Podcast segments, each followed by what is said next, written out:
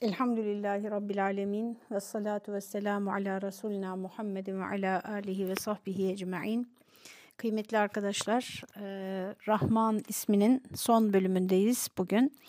E, ve biliyorsunuz e, genel olarak işlediğimiz yöntem şöyle. Önce üzerinde durduğumuz ismi celil hakkında e, gen, lügat ağırlıklı genel bir anlam bilgisi veriyoruz. Sonra Kur'an ve sünnette ve tasavvufi kaynaklarda nasıl geçtiğine çok çok özet olarak bakmaya çalışıyoruz. Ondan sonra da bu isim bize tecelli ederse ahlakımızda nasıl bir e, gelişme olur, nasıl değişiriz, nasıl bir insan oluruz bunun üzerinde durmaya çalışıyoruz. E, acizane kanaatim biz e, bu çalışmayı bir e, akademik, ilmi, e, kelami, tasavvufi bir e, boyutta değil, daha çok ameli, ahlaki bir boyutta o hedefi gözeterek yapmaya gayret ettiğimiz için bu kısım e, en önemli kısım olduğu kanaatindeyim her ismi şerif için. Ee, yani bu isim bana tecelli ederse benim ahlakımda nasıl bir e, sonuç ortaya çıkar? Ben nasıl tekamül ederim? Neye dönüşürüm yani? Nasıl bir insana dönüşürüm? Bunun üzerinde durmak ve varsa eksiklerimiz üzerinde çalışmak e, giriş kısmında da bahsettiğimiz gibi bizi e, bir yerden alıp çok üstün yerlere götürecektir. İnşallah ahlaki tekamülümüz insanı kamil olma sürecinde ki çabalarımız daha sistematik, daha hedefe yönelik, efendim dağınıklıktan uzak bir sisteme girecektir diye düşünüyorum. Eğer Esma-i Hüsna üzerinden böyle bir çalışma yapabilirsek. Yani ne demek istiyoruz bununla? İşte her bir ismi şerif bir insana tecelli ettiğinde nasıl bir sonuç ortaya çıkar? Peki bu sonuç bende var mı? Ee, hangi noktalarda eksiğim var? Ee, bunları gidermek için nasıl bir e, hedef koymalıyım kendime? Tabii bunlar her birimizin kendisine düşüyor. Çünkü bu konuda genel bütün insanlık için geçerli bir e, reçete yok. Herkes kendi e, hayatını, ahlakını, yapıp ettiklerini olabildiğince objektif bir şekilde tabii nasıl e, olacaksa bu, bu da ayrı bir zorluk. Eskiden bunu eskiden demeyelim de yani e, Sufiler bunu e, bir sistem dahilinde bu işi bilen, ehli olan insanlarla yapıyorlardı. E, günümüzde ise bu konuda hepimiz büyük ölçüde kendi başımıza kalmış durumdayız. İnşallah e, altından kalkabiliriz öyle diyelim. Ee, şimdi satır satır okuyalım, e, açıklamaya çalışalım. Kısa bir bölüm yazmışız zaten. Halbuki e, sayfalarca yazılabilir. E, sadece bu konuya yani Rahman ve Rahim isimleri bende tecelli ederse nasıl bir ahlak ortaya çıkar? İşte iç dünyamda, vicdanımda nasıl bir insan olurum? Ailemle, iş hayatımda, sosyal hayatta, bütün dünyaya karşı insan dışındaki diğer mahlukata e, karşı nasıl olurum, davranışlarım nasıl olur? E, yani mesela Rahman ve Rahim isminin tecelli ettiği biri böyle acımasız bir kapitalist olabilir mi? Acımasız bir despot olabilir mi? Efendim e, kimsenin gözünün yaşına bakmayan bir e, katı bir yönetici olabilir mi mesela e, katı bir savaşçı olabilir mi e, diye böyle e, düşünülecek olursa tek tek yani bunlar üzerinde durulacak olursa dediğim gibi sayfalarca ve günlerce e, sayfalarca yazmak günlerce konuşmak gerekir. Biz çok özet olarak e, üzerinde duracağız. Şöyle demişiz Rabbimizin bu en yüce isminin tecelli ettiği insanlar herhangi bir ayrım yapmaksızın Allah'ın yarattığı bütün varlıklara merhamet gösterirler. Buradaki herhangi bir ayrım anahtar kısmı cümlenin arkadaşlar. Çünkü Rahim isminde biraz daha alanın daraldığını göreceğiz. Ama Rahman ismi e, daha önce anlamından da bahsederken söylemiştik. E, bütün mahlukatı yani bütün yaratılmışları kuşatır. E, Rahman'ın rahmetine mazhar olmamış, Rahman'ın rahmetinden hiçbir nasip almamış bir varlık yokluktan varlığa çıkamaz. Yani öyle bir varlık düşünülemez. Dolayısıyla bu ismin e, bizim ahlakımızda tecelli etmesi durumunda böyle bir kuşatıcı, e, bütün mahlukata karşı e, hüsnü niyetle bakan, merhametle, şefkatle bakan, e, hiçbir şeyi böyle e, yani bu bir işte toprak olabilir, bir arazi olabilir, bir nehir olabilir, bir ağaç türü, bir ziraatle ilgili bir ürün olabilir. Herhangi bir şey yani. Hiçbir şeye böyle sınırsız bir kaynak, acımasızca üzerinde tasarruf edebileceği, efendim kendi hırslarını tatmin edebileceği bir kaynak ve onun eline mahkum, hiçbir hakkı olmayan, kendi üzerinde hiçbir hakkı olmayan bir kaynak olarak bakmaz ve hiçbir ayrım da yapmaz bu konuda. Hayvanlar, bitkiler, insanlar, insanlar arasında işte cinsiyet farkları, e, efendim e, inanç farkları, kültürel farklar, sosyal konum farkları, e, yani bu asgari bir merhamettir. Bilmem anlatabiliyor muyum? Yani akla aykırı gelebilir. Böyle ilk duyduğumuzda canım bu kadar da yani böyle bir var mı ki e, diyebiliriz. E, ama işte kendimize düşen pay kadar elbette bunun e, mutlak ve mükemmel hali yani mükemmel ve mutlak kelimeleri bile yetmiyor. Ee, Cenab-ı Hak için söz konusudur. O mutlak rahmet sahibidir ve, ve bunun bizim için ne kadar büyük bir lütuf olduğunu konuşmuştum daha önceki e, okumalarımızda üzerinde durmuştuk. Bize düşen pay ne demek arkadaşlar? İşte şöyle sembolize ederler Sufiler bunu. Cenab-ı Hak Hazreti Adem'i yarattığında ona kendi ruhundan bir soluk, bir nefha üfledi.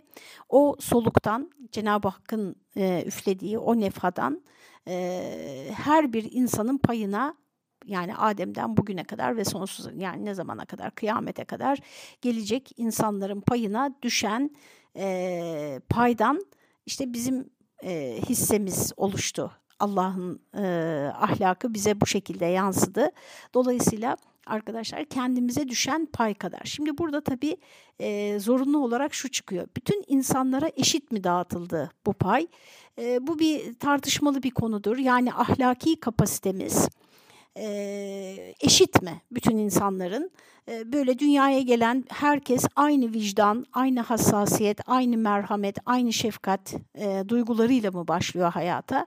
Acizane kanaatim ben e, hiçbir konuda insanlar arasında tam bir eşitlik yani yaratılışta olduğunu düşünmüyorum. E, her birimize farklı farklı verilmesinin zekalarımız nasıl farklıysa, işte tenlerimiz, gözlerimiz nasıl farklıysa, sosyal konumlarımız, diğer kapasitelerimiz, fizik kapasitemiz, efendim ailemizin sosyal konumu vesaire bunlar nasıl farklıysa arkadaşlar ruhlarımızın da farklı olduğunu, ruhlarımızın kapasitesinin de farklı olduğunu düşünüyorum. Bu nedenle de mesela işte Yunus Emre'yi hep örnek veririm bu konuda. Tapduk Emre'nin dergahına giden e, kim bilir kaç kişi vardı ama biz onlar içerisinden e, Yunus Emre'yi biliyoruz değil mi? Yani Tapduk Emre herhalde ona tek başına vermedi bu eğitimi. Orada bir dergah vardı, gelenler gidenler vardı ama onun kapasitesi e, diğerlerinden daha yüksek olduğu için e, bugüne kadar ismi geldi ve e, hala bile e, bizi aydınlatmaya devam ediyor. Aynen bunda olduğu gibi arkadaşlar e, bazı insanların daha merhametli, daha böyle ım, nezaketli, daha hassas, empati yeteneği daha yüksek, e, daha doğuştan yani çok küçük yaşlardan itibaren böyle geldiğini, bazı insanların da biraz daha sert, biraz daha realist, biraz daha böyle kuralcı olduklarını, kendilerine karşı da toplum, dünyaya karşı da böyle davrandıklarını, kap kapasitelerinin buna daha eğilimli olduğunu biliyoruz. Hatta hep örnek veririm. Clifford Morgan Psikolojiye Giriş, giriş kitabında şöyle bir örnek verir. Ben onu işte 90'lı yıllarda okumuştum o kitabı ve hiç unutmuyorum o örneği beni çok aydınlatmıştır. Der ki bir çocuk işte biraz daha sert ve katı diğerlerine nazaran daha diyelim hani gaddar doğar mı? Olabilir, doğabilir, doğar. Ee, burada eğitim devreye girer. Eğer bu çocuğu iyi eğitirseniz başarılı bir cerrah, iyi bir asker olur. Kötü eğitirseniz kiralık katil olur. Ee, işte başka zararlı yollara sapar diyor. Ee, burada da herkesin kapasitesinin farkını e, vurgulamış olalım. Peki bu farklılık haksızlık değil mi? e, yine e, bizim inancımız arkadaşlar Cenab-ı Hakk'a hüsnü zan etmek ve Allah'a hiçbir kusur yakıştırmamak. Subhanallah o demektir. Onu her türlü noksanlardan, her türlü ayıptan, eksiklikten münezzeh tutarız. Böyle tutmanın bize faydası var arkadaşlar. Çünkü biz hayatı e, yürütebilmek için, e, altında ezilmemek için, e, başımıza gelenlerin, yaşadıklarımızın, gördüklerimizin anlamını e, yani kendi çapımızda tabii künhüne vakıf olacak şekilde değil ama e, anlayabilme ihtiyacındayız ve bunu anlayabilmek için de Allah'a noksanlık izafe etmeme ihtiyacındayız. E, Allah'a noksanlık izafe ederek insanın kendi ni dünyada doğru bir yere konumlandırmasının çok mümkün olmadığı kanaatindeyim ben. Çünkü Allah e, subhanallah yani her türlü noksandan münezzehtir. Her türlü kusurdan, eksikten, e, kötülükten, yanlışlıktan, çirkin davranmaktan, haksızlık yapmaktan yani Cenab-ı Hakk'a ne izafe ediliyorsa kötülük adına bunların hepsinden münezzehtir. Yani yaratılışta her şey mükemmeldir. O halde bu nerede bozuluyor e, ve ben o, o bozulan noktada ben ne yapabilirim? Yani e, ne kadar aktif bir duruma sokuyor bakın bu inanç beni. Öbür türlü efendim bütün faturaları Allah'a çıkar, yaratıcıya çıkar. On, e, senin yapacağın hiçbir şey yok o zaman bu durumda. Çünkü yaratıcı zaten böyle uygun görmüş, böyle yapmış e, denilecek ve tabii o e, kişinin e, Allah ile olan ilişkisinin, Yüce Allah ile olan ilişkisinin orada nasıl bozulacağını ve bunun arkasından nasıl zihinsel ve ruhsal e, sıkışmalar, darlıklar, en hafif kelimeleri kullanmaya çalışıyorum, geleceğini tahmin edebilirsiniz. Ee, peki bu işte Cenab-ı Hakk'ın insanları merhamet kapasitesinde, empati kapasitesinde farklı farklı yaratması haksızlık değil mi? Acizane kanaatim haksızlık olmadığı kanaatindeyim. Mühim olanın yani buna inanmadığımda zaten Allah inancım eksik olmuş olur az önce belirttiğim gibi. Mühim olan arkadaşlar insanın kendini tanıması ve doğru bir yere konumlandırmasıdır. Yani e, yaratılış maksadına uygun olarak kendisinin hangi kapasiteyle yaratıldığını, e, neyi daha iyi yapabileceğini, hangi yönünün daha kuvvetli olduğunu tanıması ve kendisini hayatta doğru bir yere konumlandırması ve eksik olduklarını da işte Esma-i Hüsna'nın eğitimi bu noktada devreye giriyor, öğrenilmesi. Ee, biraz daha kapasitemizin eksik olduğu yönleri de kuvvetlendirmeye çalışması.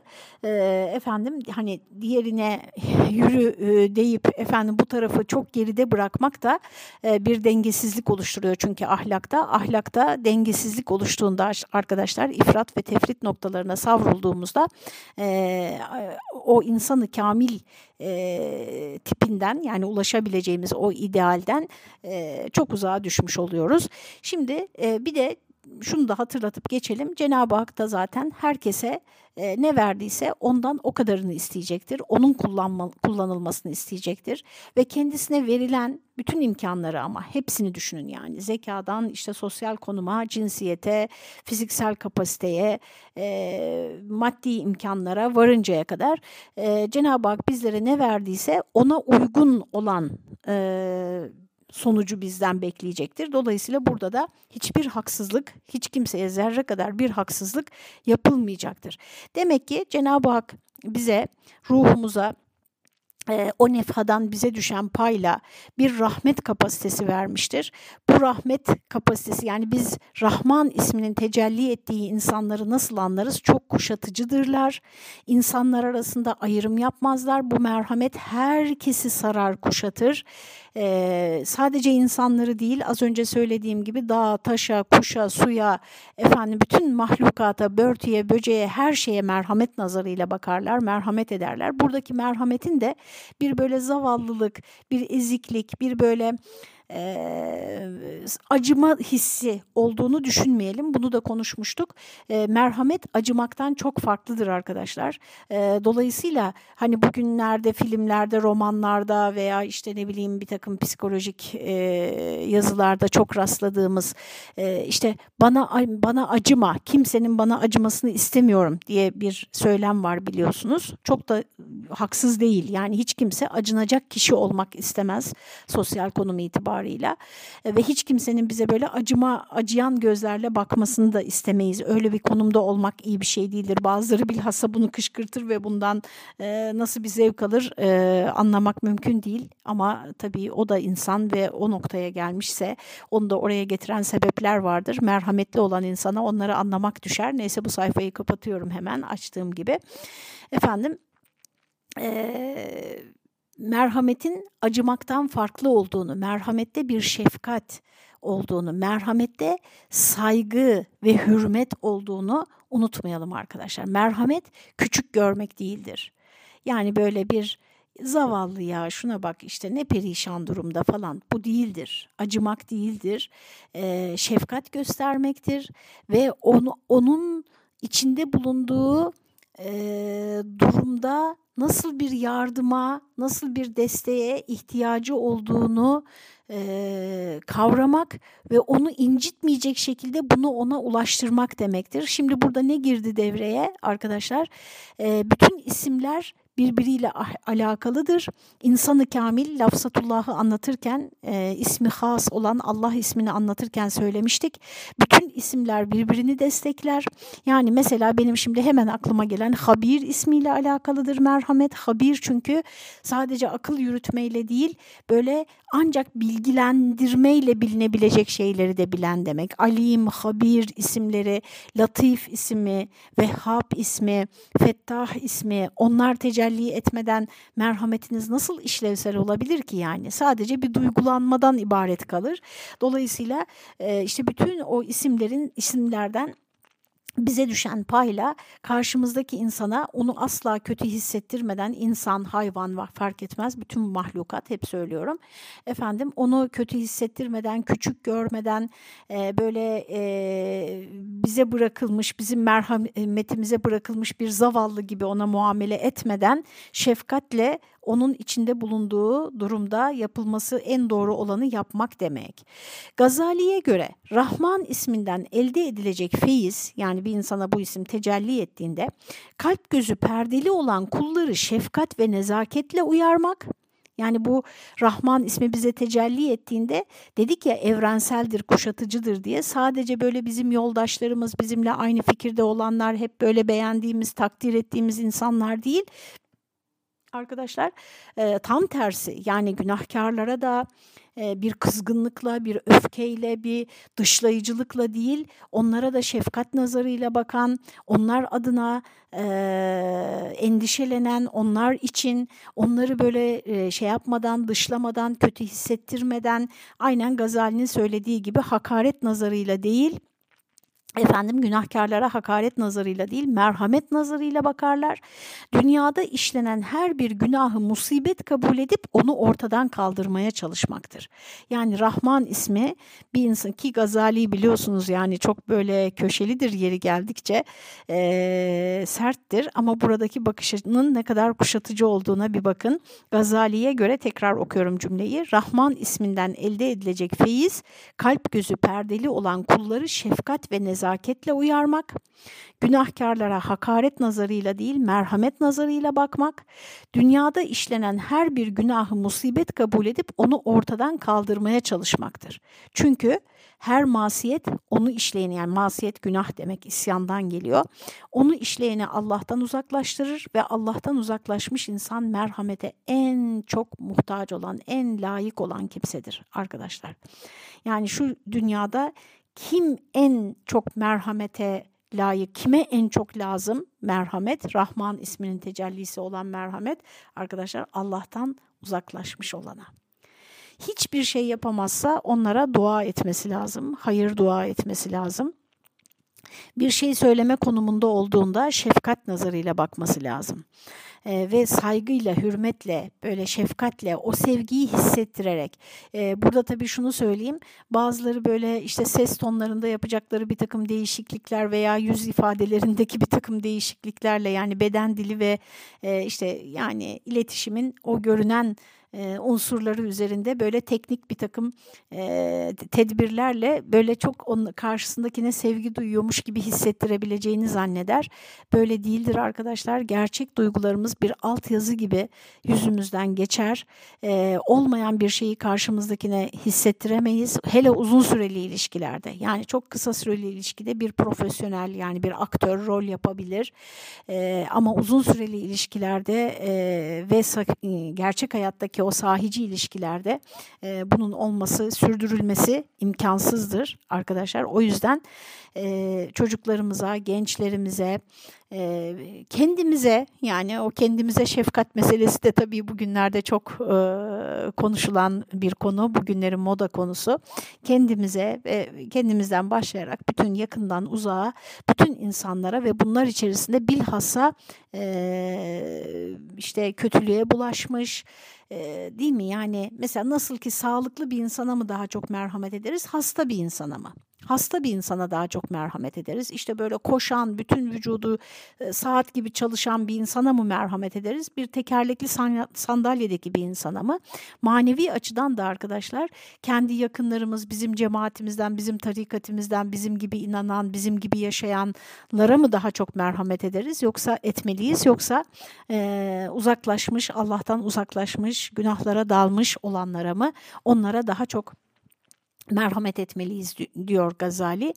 Ee, burada hemen sizin de aklınıza gelmiştir. Fetih suresinin son ayetindeki ruhama beynehum eşidda alel kuffar ayeti kelimesini de e, buraya bir tezat gibi düşüyor şu anda anlattıklarımıza.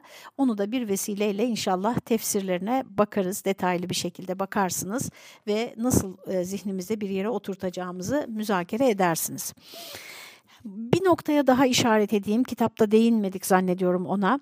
Ee, arkadaşlar birini yani bir günahkara merhamet etmek demek onun işlediği günahı günah olarak görmemek demek değildir. Bir e, günahkara bu kendimiz olsun başkası olsun şahsiyetine saygı duymak yani günahkarla günahı birbirinden ayırmak. Biz günahla uğraşırız, günahkarla uğraşmayız bunu her fırsatta söylüyoruz. Ee, günahkarın şahsiyetine hürmetimizin hiçbir yani bir insan olarak onun şahsiyetine hürmetimizde eksiklik göstermemek demek günahı günah olarak görmekten vazgeçmek demek değildir. Bugün ben çok büyük miktarda bunun yapıldığına şahit oluyorum acizane. Ee, özellikle işte e, biliyorsunuz bir e, bunlarda tarihe kayıt düşecek e, bir furya e, şeklinde e, efendim tesettürlü hanımlardan bazıları yaş farkı hiç önemli değil. Yani 15 yaşından e, 50-60 yaşına kadar örneklerini görüyoruz. Efendim tesettürden vazgeçiyorlar. Bu çok büyük bir e, dönüş insan hayatında. Çünkü e, bir e, ne dersek diyelim kim ne derse desin yani e, müthiş bir sembol, müthiş bir e, dünya görüşünün, insanın inancının e, ilanı.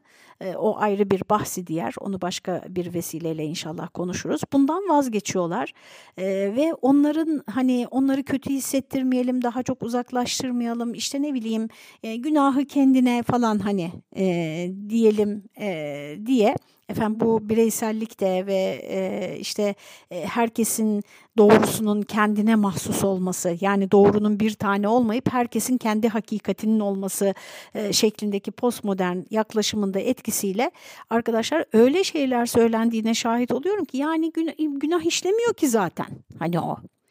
Bu noktaya gelmek merhamet değildir arkadaşlar. Yani merhamet şu değildir mesela hasta birine hayır sen hasta değilsin e, senin bir hastalığın yok, e, neden böyle düşünüyorsun e, demek merhamet midir arkadaşlar? Yoksa onun hastalığını e, tanımasına, anlamasına, kurtu, mümkünse kurtulmasına, çaresine çalışması mı merhamettir? Yani ona çalışmamız mı merhamettir? E, dolayısıyla bir e, e, bana sorarsanız yani işte diyelim ki birisi iflasa doğru gidiyor yani böyle giderse iflas edecek ve siz de çok iyi anlıyorsunuz bu işlerden, tecrübelisiniz, görüyorsunuz bunu. Ona söylememek ve e, yani bu iflastır, bu bak batıyorsun dememek, aman kötü hissetmesin işte onun da kendi tercihi falan demek. Yani bu merhamet midir? Dolayısıyla ben işin bu noktasında arkadaşlar ilkelerle o ilkelerin dile getiriliş biçiminin birbirine karıştırılmaması gerektiğini düşünüyorum ve acizane e, bir zamanlar hani gavura gavur denmeyecek denmiş biliyorsunuz. Şimdi de günaha günah denmeyecek gibi bir akımın yani e, ayak seslerinin çok artık yakınımızda duyulmaya başlandığı kanaatindeyim. E, bu noktada da bir uyarı yapmış olayım. Acizane kanaatim arkadaşlar hastalık hastalıktır, iflas iflastır, günah günahtır, e, küfür küfürdür, nifak nifaktır. Bizim bunları karşımızdakinin hatırı için o onun gerçekliği, o kendisini böyle Müslüman hissediyorsa olabilir. O da onun Müslümanlığı dememeliyiz arkadaşlar. Kimsenin Müslümanlığına karışamayız ama hani bir şey günahsa günahtır. Ben yapayım, siz yapın, başkası yapsın fark etmez. Hangimiz günahsızız ki? Yani burada günahsızlık iddia etmiyoruz. Ama yanlışa yanlış demek. Yani ben yanlış besleniyorsam bu yanlıştır. Bana, bana bunu yok canım bir sakıncası yok. Ye öyle yiyebildiğin kadar falan denmesi mi bana merhamet edilmiş oluyor yani. Bu noktayı da e, düşünmenizi e, tavsiye ederim üzerinde. Tıpkı kainatın yöneticisinde olduğu gibi demişiz. İnsanları idare eden kişilerin de emri altındakilere beslediği merhamet duygusu ve onların menfaatini koruma gayreti gazabının, öfkesinin, kızgınlığının önüne geçmelidir. Ee, Cenab-ı Hak arkadaşlar şimdi bunlar birbirine tezat gibi arka arkaya söyleniyor ama on, oradaki tevhide sizin zihniniz ulaşacaktır. Ee, kesinlikle inanıyorum buna. Ee, şimdi arkadaşlar dedik ki işte ilkeler kişilerin hatırı için değişmez. Evet. Peki o ilkelere ters düştüğü zaman bir kişi biz onun isminin üstünü çizer miyiz? Hayır öyle de yapmayız. Bize düşmez ki o. Cenab-ı Hak biz Cenab-ı Hakk'ın merhametine biz muhtacız. Yani Cenab-ı Hak e, bizi cennete koyarsa arkadaşlar günahsız olduğumuz için mi gireceğiz o cennete? Hayır, günahlarımızı affettiği için gireceğiz. Hep bakın dikkat edin Kur'an-ı Kerim'de e, Peygamber Efendimiz'e arkadaşlar defalarca vestağfir diyor allah Teala. Onlar tevbe ederler, seher vakitlerinde tevbe istiğfar ederler, tevbe istiğfar et, günahına tevbe, Allah'tan mağfiret dile, af dile. Yani bütün peygamberlerin hayatlarında geçiyor bu ve e, Peygamber Efendimiz'e de kişisel olarak söyleniyor. Yani her insan Allah'ın mağfiretine muhtaçtır. Ve insanın mevkii yükseldikçe sorumluluğu arttığı için onların yani zelleleri bile onları çok düşündürür yani. Dolayısıyla onlar da Allah'ın mağfiretini dilerler. Bütün peygamber dualarında bunları görebilirsiniz. Yani Cenab-ı Hak kuluna gazap eder ama merhameti gazabını geçmiştir. Merhameti her şeyi kuşatmıştır. Bu ayetleri size söylemiştim ve bu da bizim için e, dünya hayatında bir insanın alabileceği en büyük müjdeli haberdir arkadaşlar. E, kesinlikle yürekten inanıyorum buna. Yani benim bu dünya hayatında bana verilecek en büyük güzel haber Cenab-ı Hakk'ın merhametinin gazabını geçmiş olması, merhametinin her şeyi kuşatmış olmasıdır. Biz de işte eğer bu ahlak bize tecelli ederse hatanın hata olduğunu biliriz. Hatayı hata değilmiş gibi davranmayız, öyle göstermeyiz. Çünkü o zaman Rabbimize ters düşmüş oluruz. Çünkü onun hata olduğunu Rabbimiz söylüyor bize. Ama hata edenin de isminin üstünü çizmeyiz. Çünkü biz de Allah'ın affına muhtacız. Aynen Nur suresinde İfk sonunda söylendiği gibi sen Allah'ın seni affetmesini istemiyor musun? O halde sen de insanları affet diyor Rabbimiz bize. Nasıl Cenab-ı Hak bütün yaratılmışlara hayat ve varlık şartlarını eksiksiz sunuyorsa yani kendisini küfredenlere de e, oksijen veriyor, su veriyor, yemek, içmek, gıdasını hatta çalıştığı oranda daha da fazla fazla zenginlik veriyor. İnsanların işlerinin başına geçenler de onlara en uygun çalışma ortamını ve şartlarını sunmalıdır. Bu da merhametin çok önemli bir gereğidir. Yani e, bir iş kurdun, emrinin altında insanlar var. En uygun çalışma şartları yani bebekli olanlar var, bebeğini emzirenler var. İşte ne bileyim öyle bir bırakalım yani çocuklu kadına yönelik iş hayatındaki ortamların düzenlenmesini. Arkadaşlar öyle bir çalışma sistemi kurmuşuz ki çocuklar babalarını görmüyorlar ya. Babalar sabah 6'da 7'de evden çıkıyorlar, akşam 9'da, 8'de, 9'da eve gelebiliyorlar. Eğer biraz da iş yeri evine uzaksa böyle bir ortam, bu çalışma şartları Rahman isminin tecellisinin iş hayatında görünmediğini yani en azından o iş ortamında görünmediğini gösterir. Acizane kanaatim arkadaşlar bu ekonomik ilişkilere yansıması Rahman isminin bütün bu toplumsal barış, sosyal e, düzen, ahlak, iman, e, efendim Allah'a güvenmek, Allah hakkında iyimser olmak, hüsnü zan beslemek bunların hepsinin temelinde bu vardır. Bir insanın çalışıp çalışıp da karnını doyuramadığı, ailesine bakamadığı, ailesiyle günde hiç olmazsa bir saat geçiremediği, yarım saat geçiremediği e, bir hayat kurup sonra da o insanlardan güzel ahlak, güzel itikat, iyimserlik, efendim yukarı yukarıya doğru bütün yönetici kademelerine minnettarlık duymalarını, sevgi, saygı duymalarını bekleyemeyiz diye düşünüyorum. Allah Teala kulun işlediği suçlar sebebiyle ona sunduğu imkanları kesmediği gibi yani biz bir günah işlediğimizde Cenab-ı Hak şak diye suyumuzu kesiyor mu? Yani bir, bir faturayı ödemediğimizde belediye veya işte iskine kim bakıyorsa onlar kesiyorlar ama Cenab-ı Hak ne sayısız günahlar işliyorsun gene böyle şişelerin içinde temiz menba sularını ayağına kadar gönderiyor. Efendim oksijen, temiz hava, e, çıkıyorsun, alabiliyorsun. E, Cenab-ı Hak kulların işlediği suçlar sebebiyle Rahman ismi bu demek zaten. Rahman merhametinin e, yaratılmışlarına ulaşması için o yaratılmışların itaatini şart koşmayan demek. Ama Rahim isminde farklı orayı göreceğiz inşallah. Onlar da yani bu yöneticiler de insanlara tanıdıkları imkanları tehdit unsuru olarak kullanmamalıdırlar. Burada yöneticiden kastımız işte en ufak bir ailenin reisinden tutun da büyük bir milleti, insanlığı çeşitli kademelerde yöneten bütün insanları kastetmektedir. Ve acizane kanaatim Rahman isminin tecellisi en çok onlara yakışır, en çok onlarda görülmelidir. Ee, insanlığın huzuru, e, barışı, efendim güveni, güven içerisinde yaşayabilmemiz büyük ölçüde buna bağlıdır. Hepinizi Allah'a emanet ediyorum. Cenab-ı Hak merhametinden hiçbirimizi mahrum etmesin.